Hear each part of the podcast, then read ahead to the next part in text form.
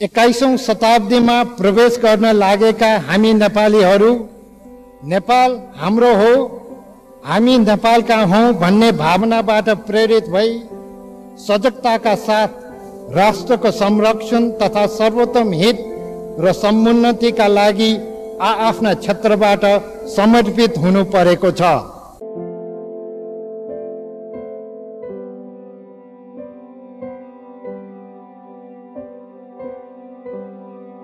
आजभन्दा उन्नाइस वर्ष अगाडि दुई हजार अन्ठाउन्न साल जेठ उन्नाइस गते नेपाल र नेपालीले आफ्नो प्रिय राजा वीरेन्द्र र उनका वंशविनाशको वज्रपात सहनु पर्यो र जेठ उन्नाइस इतिहासकै कालो दिन हुन पुग्यो। दरबार हत्याकाण्डको तत्कालीन सरकारद्वारा छानबिन समिति पनि गठन भयो तर त्यस छानबिन समितिको प्रतिवेदन भने जनतालाई स्वीकार्य भएन र पटक पटक छानबिनको माग गरिरहे। त्यो घटनालाई आजसम्म पनि शङ्कास्पद रूपमा हेरिन्छ। आखिर किन भयो त हत्याकाण्ड? सुरक्षाको कमीले या सुरक्षा निकायको कमजोरीले। देशको सम्प्रभुता र आफ्नै राजा रानी समेत बचाउन नसकेर निरीह भएको दाग नेपाली सेनामाथि सधैँ नै लागिरह्यो। के नेपालको सुरक्षा निकाय साँच्चीकै निरीह छन् त?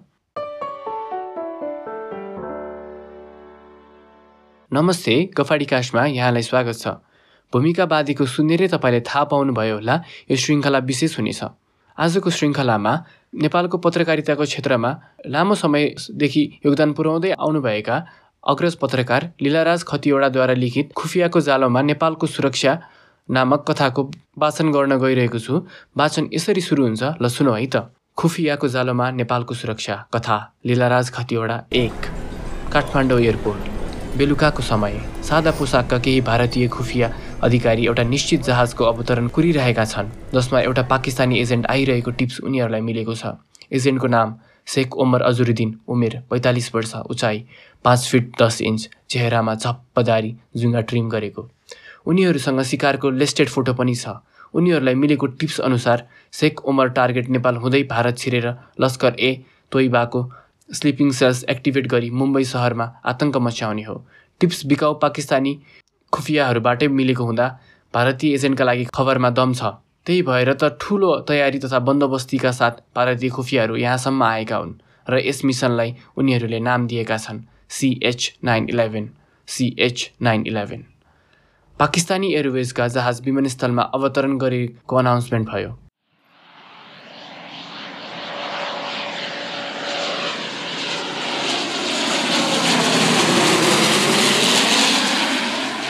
सिकारीहरू आआफ्ना ज्याकेटभित्र लुकाइएको अत्याधुनिक हतियार छामेर सतर्क भए अनि आपसमा आँखाले केही इसारा गरेर समय नगुमाई एयरपोर्ट लन्चमा तितर भइहाले। केही बेरमा नै यात्रुहरू बाहिरिने क्रम सुरु भयो। प्राय सबै आआफ्ना लगेज कलेक्सन गर्न थाले तर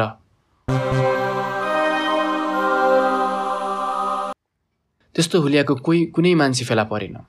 सिकारीहरू एक ठाउँमा भेला भएर कुराकानी गर्न थाले। त्यहाँ एउटा सिकारी भने अनुपस्थित थियो। किधर गया वो? एउटाको मुखबाट फुत्कियो। कौन? अर्कोले भन्यो। मै इधर हुँ। भन्दै कतैबाट हस्याङ फस्याङ गर्दै ऊ त्यहाँ टप्कियो। मै त अजुरुद्दिन कि बात कर रहा था। अधिकैले भन्यो। हठात आइपुग्नेले आतिदै भन्यो। मै भी उसी की बात कर रहा हूँ। शिकार दूसरे रास्ते से बाहर निकल गया। क्या? सबैको मुखबाट फुत्कियो। यहाँ मेरे एक खास आदमी है, वो पुलिस वाला है। उसने मुझे अभी अभी फ़ोन पे बताया कि चोरी छिपी पिछवाड़े के रास्ते से अजरुद्दीन को बाहर निकाला गया और इसमें नेपाल का पुलिस संलग्न है। हमें यहाँ से निकलना होगा और तुरंत अगला स्टेप तय करना होगा। उसले लगभग एकै सासमा भन्यो दूसरी तरफ़ हम सब की जान को अब खतरा भी बढ़ गया है। अगर उसका आने का हमें खबर हो सकता है तो हमारे आने का भी उसको पता हो सकता है। ऊपर से वो हमें पहला चकमा दे चुका है। बहुत संभल के आगे बढ़ना होता है। मगर अब हम उसे ढूंढे कहाँ? एउटाले किकत्रव्य मुड र भय मिश्रित भावमा भन्यो यही त अपना काम है चलो रोहित सक्सेनाले भन्यो। जो कि रिसर्च एन्ड एनालाइसिस विङको सिनियर अफिसर हो र यस मिसनको चिफ कमान्डर पनि। उनीहरू फटाफट बाहिरिन्छन्।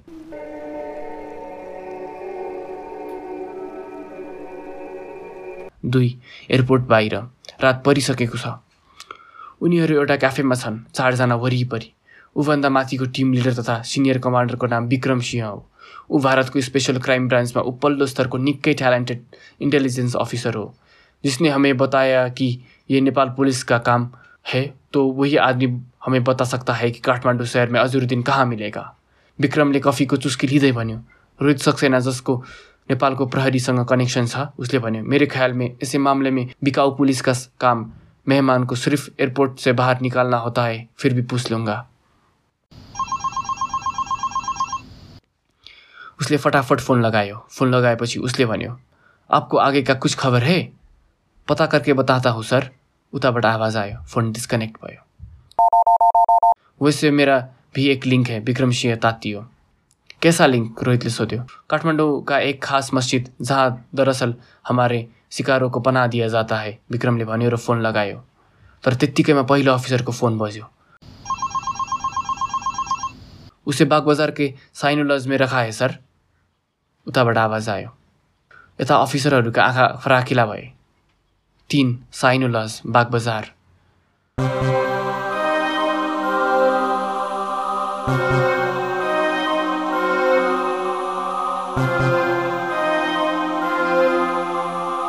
उपरोक्त भारतीय एजेन्टहरूद्वारा टिप्समा उल्लेख भएको कन्टेन्ट दुरुस्त भएका कारण अजरुद्दिन पक्राउ पर्यो। नेपाल सरकारको गृह मन्त्रालय र माथहतको निकायको कर्मचारीहरूलाई किनेर भारतीय अफ प्रहरी अफिसरहरूले गुपचुपमा अजरुद्दिनलाई इन्जेक्सन हानी बेहोस बनाएर बोर्डर कटाए अनि उत्तर प्रदेशका बाराबङ्की भन्ने ठाउँमा गिरफ्तार गरेको छुटो कागज तयार पारेर च्यापचुप पत्रकार सम्मेलन पनि गरिहाले।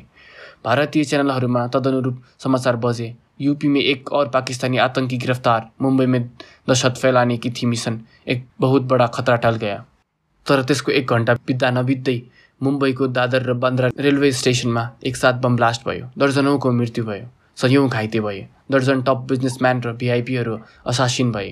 भारतमा पुनः एक दर्दनाक हादसा भएरै छड्यो। टारेर टरेन त्यो चार नयाँ दिल्ली। शेख ओमर अजुरुद्दिनको बयान। ऊ अति कडा सुरक्षा व्यवस्थामा राखिएको छ।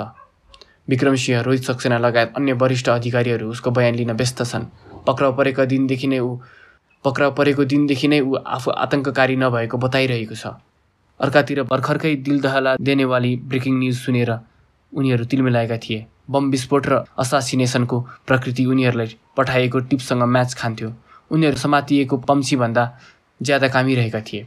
हिंसा गर्ने अर्कै भए यो को हो त उस जसलाई उनीहरूले त्यत्रो मेहनतले एबडप्ट गरेर आफ्नो देश पुर्याएको थिए। त्यसको ब्रेकिङ न्युज पनि बजिसकेको थियो। अब मिडिया आतङ्कीको बयानको न्युज अपडेट गर्न आतुर भएर पर्खिरहेको थियो। तो फिर कौन है तू? विक्रमले शिकारको नाकमा बेहरामी साथ एक पन्च हानेर सोध्यो। मैंने बताया ना साहब मैं एक बिजनेसमैन है। जरुर मेरा नाम शेख उमर अजुरुद्दीन है पर मैं आतङ्ककारी नहीं हूँ। नाकको रगत पुस्दै उसले बतायो क्या तू पाकिस्तानी नहीं है? विक्रमले सोध्यो। नहीं उसले भन्यो। क्या? सब छक्क परे और मेरा घर नेपाल के कपिल वस्तु ज़िले में है। आप पता कर सकते हैं। पर आप लोगों ने मुझे बोलने कहाँ दिया? और अभी यहाँ इतने दूर लाके, हाय, कहाँ फंस गया मैं? वो सुक्क सुक्क गर्छ और तेरे साथ बरामद हुआ पासपोर्ट वो मेरे नहीं है तो फिर किसका है? आप ही पता करो। वो हमें तेरे कमरे से मिला था। तुझे याद है ना? हाँ साहब, मुझे ज़रूर याद है, पर वो चोरी छिपे किसी ने मेरे कमरे में रखा होगा। कौन था हो। नहीं मालुम आफै पत्ता गरौँ यतिकैमा बढ्ती लगाएको एउटा प्रहरी सूचना लिएर आउँछ। सर बयान लिइरहेको अफिसरलाई ऊ भन्छ। इस आदमी का नाम जरूर शेख उमर अजरुद्दीन है। इसने अपने बारे में जो भी बात हमें बताया था सब सच है। और इसका पासपोर्ट भी नकली है। ये देखिए फरेन्सिक रिपोर्ट सिनियर अफिसरको अनुहार ओइलाउँछ बिस्तारै ऊ फाइल लिन्छ। तर फाइल नहेरी शून्य माटो लाउँछ। अनि भन्छ हमें एडा बनाया गया। कांटा में एक निर्दोष आटा को लटकाकर हमारे मुँह में फेंका गया और उधर शत्रु ने सुरक्षित अपना काम निपटा लिया। हम हुक्ड हो गए। अब क्या मुँह दिखाएँगे? माजरा, कुछ ऐसे ही लगता है, सर। हम अब लुट गए। नेपाल में हमने जिसको खरीदा था, दुश्मन ने उसको बाप को खरीदा। हमें बहुत बड़ा चकमा दिया गया। मात हाथ को एउटा अफिसरको आवाज़ आउँछ लोगों को खरीद के काम करना कितना मुश्किल है और खतरे से खेलना जैसे है। अब पता चला, विक्रमसिंहले भारी आवाजमा भन्यो, माहौलमा केही बेर सन्नाटा छायो। शीघ्र केही सोचेर विक्रमले आफ्नो सहायकले निन्याउरो आवाजमा आज्ञा दियो, इस अजरुद्दीन की बच्चेको बोर्डर क्रस करा के आओ। ओके सर सहायकले भन्यो। ऐसे कैसे घायल आवाजमा अजरुद्दीन बोल्यो, मुझे आप वहीं छोड़ आओ जहाँ से आपने उठाया था। बोर्डर क्रस करा देंगे, बस का किराया दे देंगे। अपने घर को चले जाना, विक्रमसिंहले सख्त आवाजमा भन्यो। जाके प्रेस कन्फरेन्स गरूँगा अजरुद्दिनले आफूलाई सम्हाल्दै हिम्मतिलो आवाजमा भन्यो। कर लेना भन्दै विक्रम सिंहले ऱ्यापअप गर्यो र कम्मरको बेल्ट बाँध्दै उठ्यो। सब उठे। बिस्तारै फेज आउट खासमा। काठमाडौँ बस्ने केही पाकिस्तानी खुफियाहरूलाई पाकिस्तानका जासुसहरूले एउटा मुर्गा खोज्न लगाएका हुन्छन् र उनीहरूको नजरमा अजुरुद्दिन परेको हुन्छ। भारतीय खुफियाहरूको ध्यान अन्तै मोडेर पाकिस्तानी खुफियाले सुनौली बोर्डर क्रस गरेर भारतका पहिल्यै तय गरिएका विभिन्न स्थानहरूमा फटाफट आफ्नो मिसनलाई आजन्म दिएको हुन्छ अनि फेरि उनीहरू सुरक्षित नेपाल फर्किएका हुन्छन्। पाँच। अर्को दिन सुनौली बोर्डर।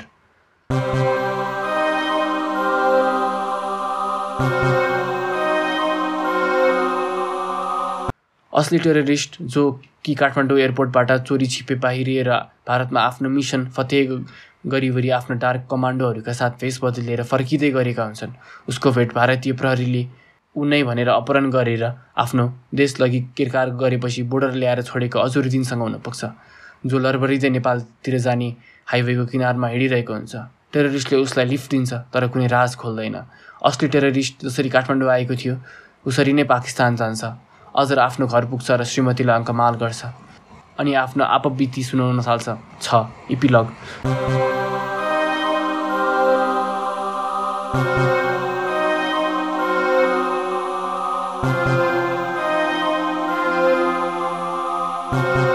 हाम्रो देशको बिकाउ सिस्टमको घोर फाइदा उठाएर भारत र पाकिस्तानका खुफियाहरूले यस्ता धेरै घिनलाग्दो खेलहरू खेल्नेका छन्। हाम्रो राष्ट्रियता सम्प्रभुता र स्वाधीनताको रक्षार्थ हामी जुनसुकै हदसम्म पनि जान तयार छौँ। हाम्रो मुलुकको साख हरण हुन नदिन हामी जुनसुकै मुलुकको चिरहरण गर्न सक्छौँ। काठमाडौँको रिपोर्टर्स क्लबमा शेख ओमर अजरुद्दिन प्रेस कन्फरेन्स मार्फत भन्छन् म नेपाली नागरिक हो तर आज भारत र पाकिस्तान दुवै देशले मेरो नागरिकतामा थाहा बोलेका छन्। म किन चुप लागेर बसु? त्यसैले मैले यो प्रेस कन्फरेन्स गरेको हुँ। धन्यवाद।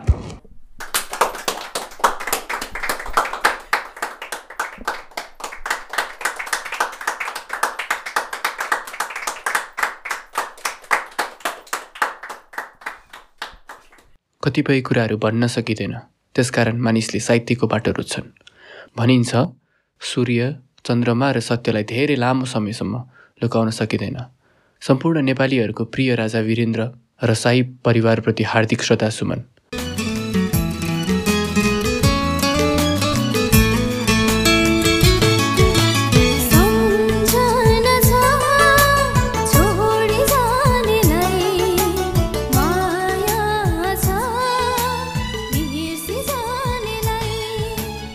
उहाँहरूको आत्मालाई चिर शान्तिको कामना गर्दै यस श्रृङ्खलालाई टुङ्गाउने अनुमति चाहन्छु।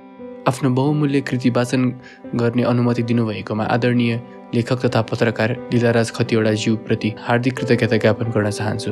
यहाँले पनि सुनेर साथ दिनुभयो। धेरै धेरै धेरै धन्यवाद। यहाँप्रति म धेरै नै कृतज्ञ र आभारी छु। यहाँको सल्लाह सुझाव सधैँ वेलकम नै हुनेछन्। यस श्रृङ्खलामा भएको त्रुटिहरू पनि अर्को श्रृङ्खलामा सच्याउने बाचा गर्दै आजको लागि यहाँबाट विदा हुन चाहन्छु। धेरै धेरै धेरै नै धन्यवाद। नमस्ते।